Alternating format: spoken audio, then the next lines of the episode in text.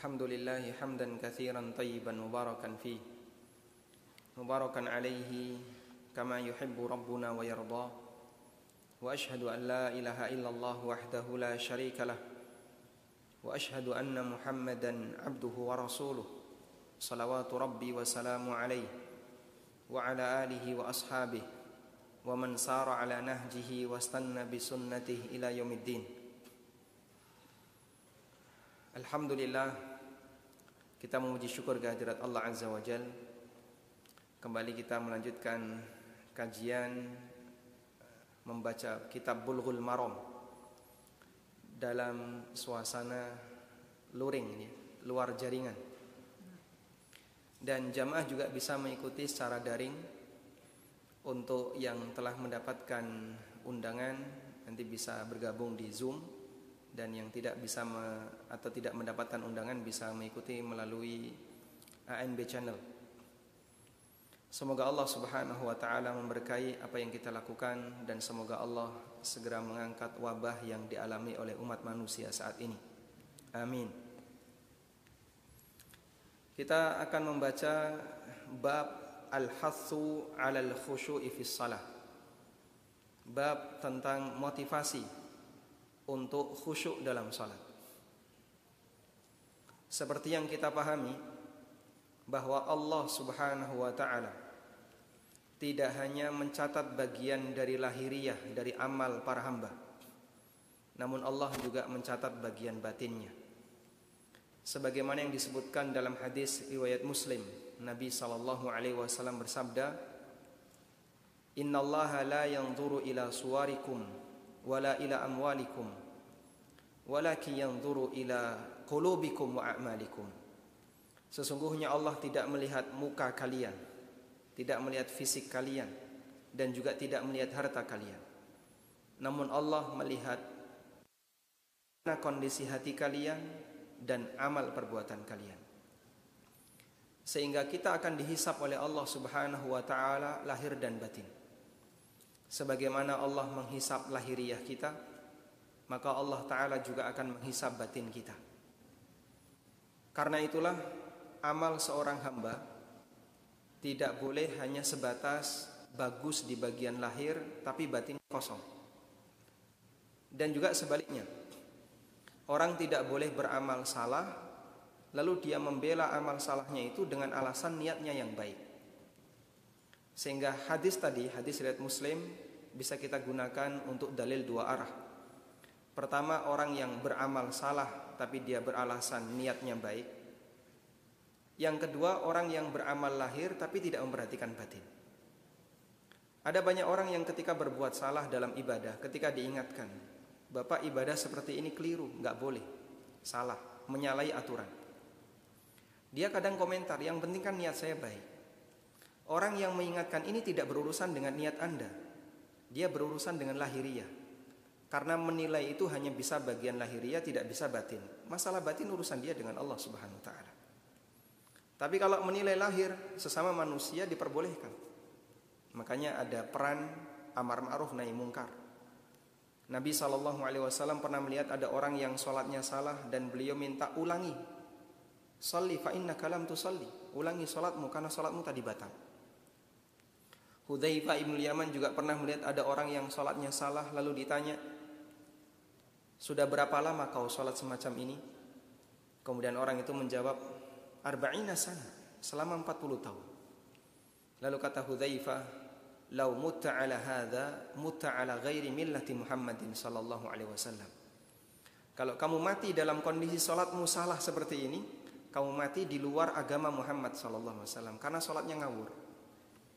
Dan kasusnya adalah orang yang sholatnya sangat cepat, tidak tumak nina, sehingga dia tidak menyempurnakan rukuk dan sujudnya. Orang ini beralasan dengan hatinya, padahal mengingatkan sesuatu itu tidak berkaitan dengan urusan batin. Saya menilai orang yang amalnya salah, masalah masalah batinnya niatnya baik ataukah benar itu urusan dia dengan Allah Subhanahu wa taala. Kepentingan kita adalah bagian lahiriah Anda keliru, karena itu harus dibenahi. Sebaliknya, banyak di antara kita ketika beramal, terutama amal yang lebih bermodal kepada gerakan dan bacaan, kadang hanya lebih memperhatikan kondisi luar. Dan itu pun kadang tidak sempurna. Batinnya tidak dipikirkan. Sehingga batin melayang ke mana-mana. Bahkan terutama hati kita, Masya Allah ya, ada di dapur, ada di warung, ada di kantor, atau ada di tempat-tempat yang lainnya sehingga batin tidak membersamai fisik. Jamaah dimakan Allah Ta'ala, apa pun itu, ini adalah sebuah kesalahan. Kemudian kita akan membahas apa itu khusyuk dalam sholat. Khusyuk secara bahasa artinya adalah tenang dan tunduk. Allah menyebutkan kata khusyuk secara bahasa ini di surat Toha.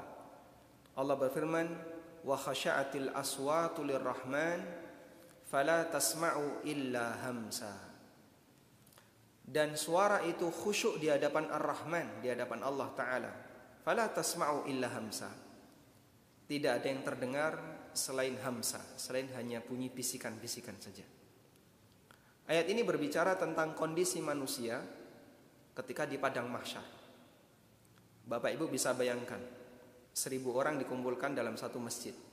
Minta mereka untuk diam dalam waktu lima menit. Diam, kompak diam lima menit. Mungkin akan sangat sulit. Ada suara belakang, suara lagi, suara lagi. Sehingga orang dalam jumlah seribu, dalam jumlah banyak ketika dikumpulkan, disuruh bareng diam dalam rentang waktu tertentu, itu sangat sulit. Apalagi kalau satu stadion.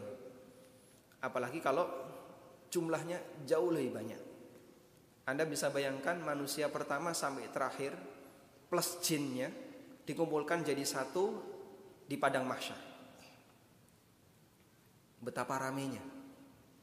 Karena jumlahnya sangat banyak. Tapi ternyata bayangan kita barangkali meleset. Karena Allah tegaskan dalam Al-Qur'an bahwa mereka tidak mengeluarkan suara apa pun selain hamsa yang itu diterjemahkan sebagai suara seperti orang bisikan, seperti orang berbisik. Disebabkan karena gerakan yang dilakukan oleh para hamba ketika itu. Wa khasya'atil aswatu lirrahman fala tasma'u illa hamsa. Suara itu tunduk di hadapan Ar-Rahman, di hadapan Allah Ta'ala Sehingga tidak terdengar kecuali hanya bisikan saja Ini makna khusyuk secara bahasa dan makna khusyuk secara istilah juga tidak jauh dari ini. Yaitu tunduk di hadapan Allah Subhanahu wa taala karena fokus mengerjakan, fokus memikirkan apa yang sedang dikerjakan oleh seorang hamba. Sehingga khusyuk dalam sholat berarti dia fokus terhadap sholatnya. Khusyuk ketika membaca Quran berarti dia fokus dengan ayat yang dia baca. Khusyuk ketika berzikir berarti dia fokus dengan bacaan-bacaan kalimat thayyibah yang dia ucapkan dan seterusnya.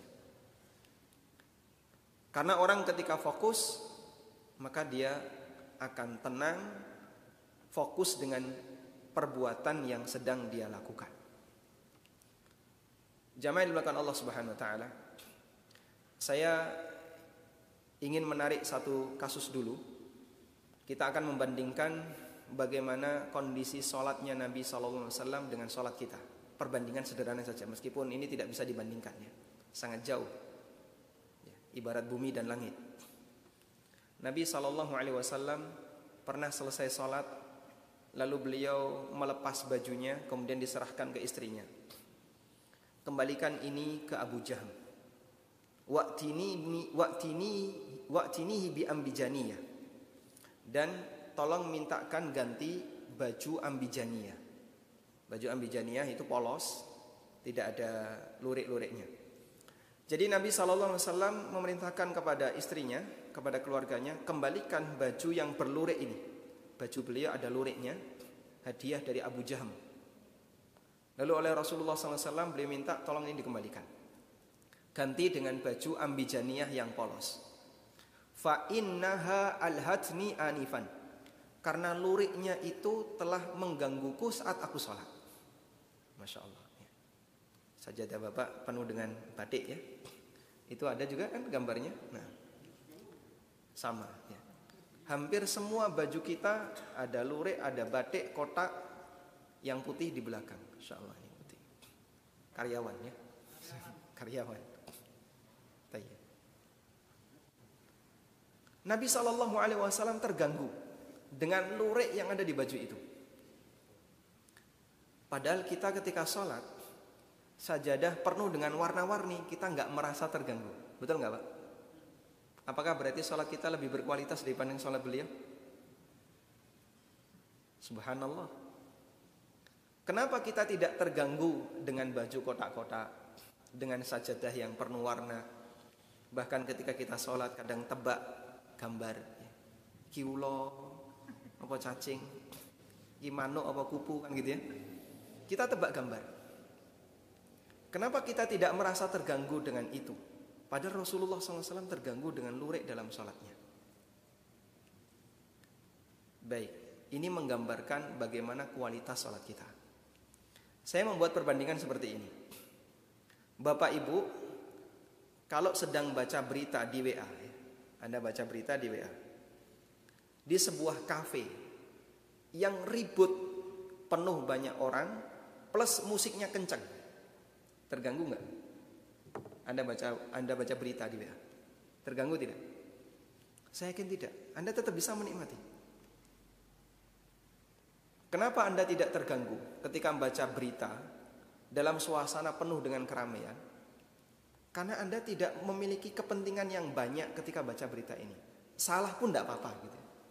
Ibaratnya cuman scanning saja sehingga nggak dong juga nggak apa-apa. Cuman hiburan saja. Lain halnya kalau Bapak Ibu sedang mengerjakan kalkulus 3 untuk kenaikan semester. Kalau nggak lulus nanti ngulang tahun depan. Di suasana penuh dengan keramaian. Terganggu nggak? Terganggu. Kenapa? Saya butuh fokus lebih. Makanya sebenarnya aktivitas manusia itu ada aktivitas yang butuh konsentrasi maksimal dan ada aktivitas yang ringan nggak butuh konsentrasi maksimal. Sehingga untuk aktivitas yang butuh konsentrasi maksimal, orang itu nggak bisa mengerjakannya dalam suasana penuh gangguan. Ketika dia kerjakan dalam suasana penuh gangguan, potensi salahnya besar. Makanya sebagai bentuk uh, apa penghargaan kita terhadap orang yang sedang ujian kan kadang dikasih pengumuman. Harap tenang, ada ujian. Sehingga yang lain tolong yang yang tidak berkepentingan, yang tidak butuh konsentrasi, tenang. Kalau ada konser musik, di sampingnya ada orang sedang ujian, kira-kira diapain? Ini akan dipindah. Tolong hentikan jangan di sini. Ini sedang ada ujian, kampus sedang ujian. Nanti konsernya begitu kampus sudah selesai ujian baru dibuka, mungkin seperti itu. Karena kita butuh konsentrasi yang lebih. Tayyib. Nah seperti itulah kira-kira Rasulullah Sallallahu Alaihi Wasallam ketika sholat. Beliau ketika sholat itu berusaha konsentrasi maksimal sampai lurik saja itu ganggu. Sampai keberadaan lurik di baju saya tidak bilang batik ya, karena baju yang dikasih Abu Jaham itu baju yang ada garis-garisnya. Itu cuma lurik, bukan batik. Lebih ramai mana? Rame batik. Ini cuma lurik. Itu beliau terganggu karena beliau konsentrasi maksimal. Kenapa kita tidak terganggu dengan aneka warna yang ada di sekitar kita pada saat kita sholat? Karena kita nggak konsentrasi ketika sholat.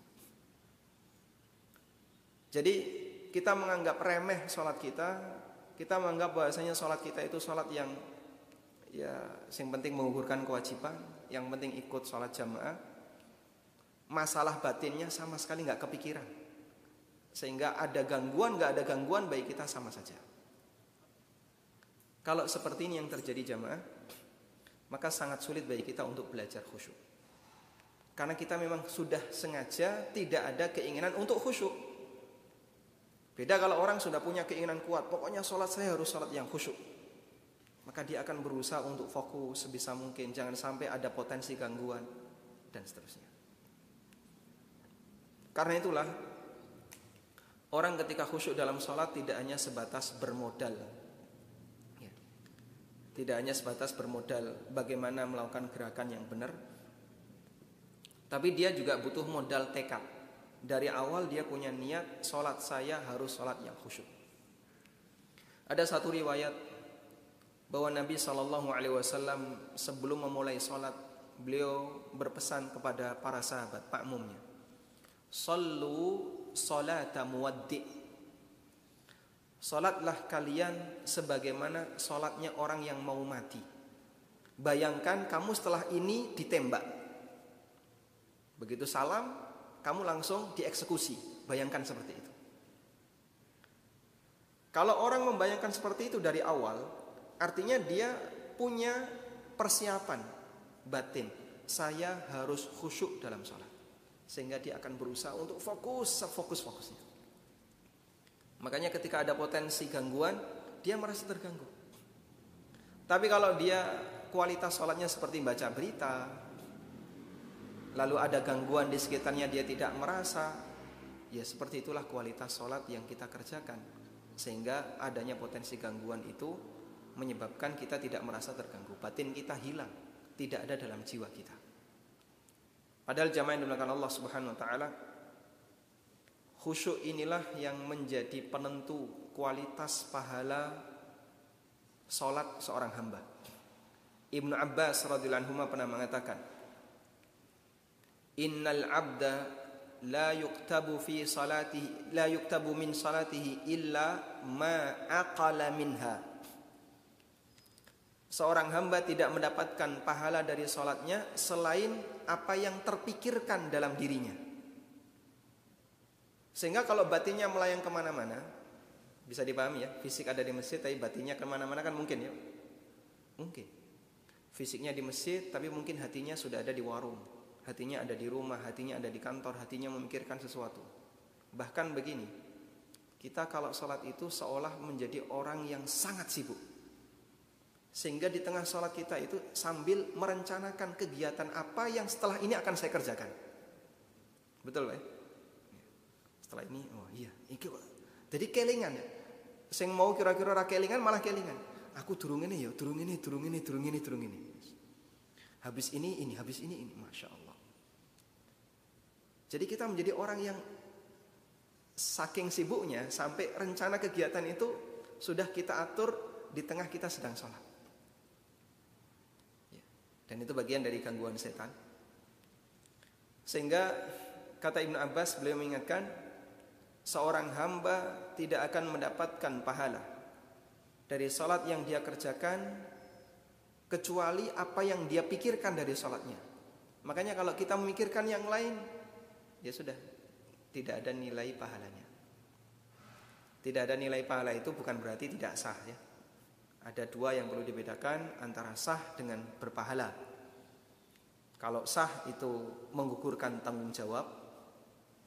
Jika itu sholat wajib berarti menggugurkan kewajiban. Jika itu sholat sunnah berarti menggugurkan tanggung jawab yang hukumnya sunnah. Kalau berpahala berarti diterima oleh Allah dan dikasih pahala dan itu tidak ada tahu tidak ada yang tahu kecuali Allah. Namun salah satu di antara syaratnya untuk sholat agar bisa berpahala adalah orang itu memikirkan sholatnya. Nabi Shallallahu Alaihi Wasallam juga menyebutkan dalam hadis dari Ammar bin Yasir radhiyallahu anhu, Rasulullah Shallallahu Alaihi Wasallam bersabda, Inna rajula la yansarifu wa ma kutiba lahu illa ushru salatihi tus'uha, thumunuha, subu'uha, sudusuha, khumusuha, rubu'uha, thulusuha, nisfuha. Ada orang yang selesai sholat, namun dia tidak mendapatkan pahala dari sholatnya kecuali sepersepuluh dari sholatnya, sepersembilan, seperdelapan, sepertujuh, seperenam, seperseper, sampai setengahnya. Sehingga ada orang yang selesai sholat cuma dapat pahala sepersepuluh sholatnya. Dan angka ini tentu saja bukan pembatasan.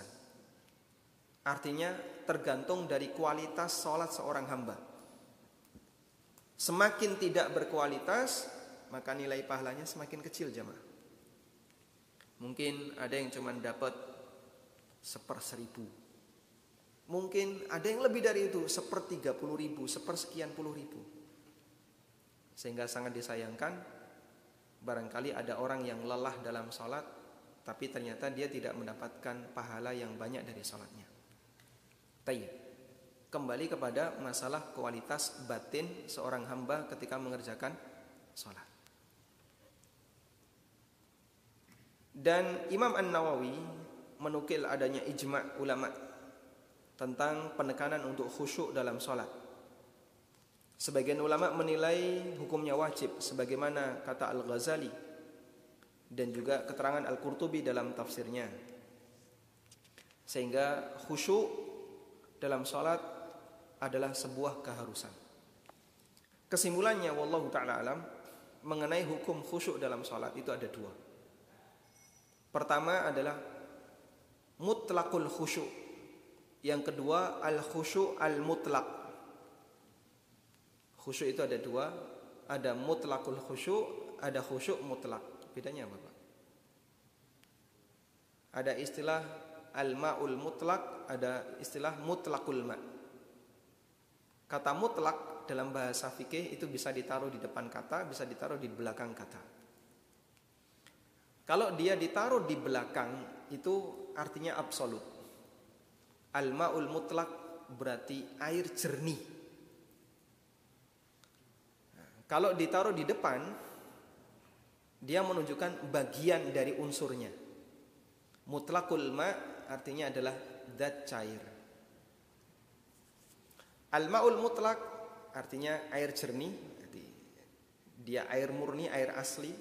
Mutlakul ma berarti benda yang bentuknya cairan. Sehingga al-ma'ul mutlak pasti mutlakul ma, namun mutlakul ma belum tentu al-ma al-mutlak.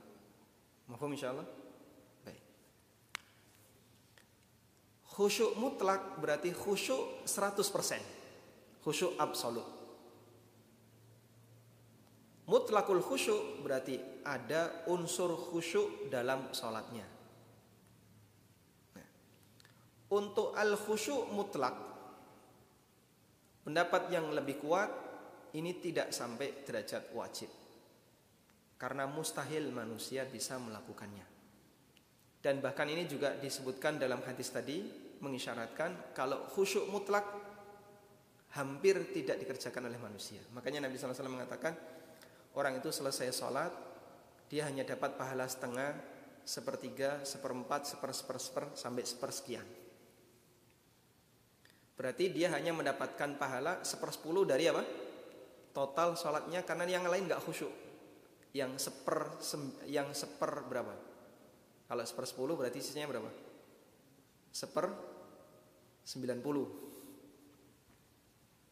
Seper 10 dari sholatnya Sisanya 9 per 10 nya nggak khusyuk Dia cuma dapat seper 10 nya Atau dia sholat dapat seper 5 Berarti sisanya Berapa sisanya? 4 per 5 Dia nggak khusyuk Berarti dia tetap dapat pahala Meskipun ada bagian yang tidak khusyuk Baik, itu dalil bahwa khusyuk mutlak, khusyuk 100% tidak wajib. Kalau ini wajib, batal. Tentu dia nggak dapat pahala sama sekali. Yang kedua adalah mutlakul khusyuk. Ada unsur khusyuk dalam sholatnya. Sehingga sekalipun sholatnya itu Masya Allah nggak karuan ke mana-mana hatinya. Tapi kadang dia khusyuk. Mungkin waktu takbiratul ikhram dia fokus. Allahu Akbar fokus. Dapat satu poin. Ketika imam sedang berdoa, oh dia kaget. Nah, kemudian dia khusyuk, ikut nangis misalnya. Atau ketika dia sujud, dia berdoa, ada khusyuk. Maka dia mendapatkan khusyuk di titik-titik tertentu sepanjang sholatnya. Lalu dari situ misalnya dia mendapatkan pahala 100 atau mendapatkan pahala 1,2 persen misalnya. Berarti ada apa ini? Mutlakul khusyuk. Salatnya sah, tapi harus ada itu. Kalau tidak ada, salatnya batal. Sehingga mutlakul khusyuk hukumnya wajib, jika tidak ada, salatnya batal. Karena itu kalau ada orang yang sholat tidak khusyuk sama sekali, sholatnya batal. Apa dalilnya? Nabi SAW bersabda dalam hadis riwayat Bukhari Muslim, la salata bihadrati ta'am wala huwa yudafi'uhul akhbathan. Tidak ada salat ketika orang sedang menahan keinginan untuk buang air besar maupun kecil atau ketika makanan sudah dihidangkan sementara dia lapar dan ingin makan. Sehingga kepikiran dalam dirinya ketika sholat ingin segera melepas tanggung jawab atau ingin segera makan. Wallahu taala. Tayyib, ini sedikit mukaddimah terkait masalah khusyuk dan gitu. Sampai jam 1 sih?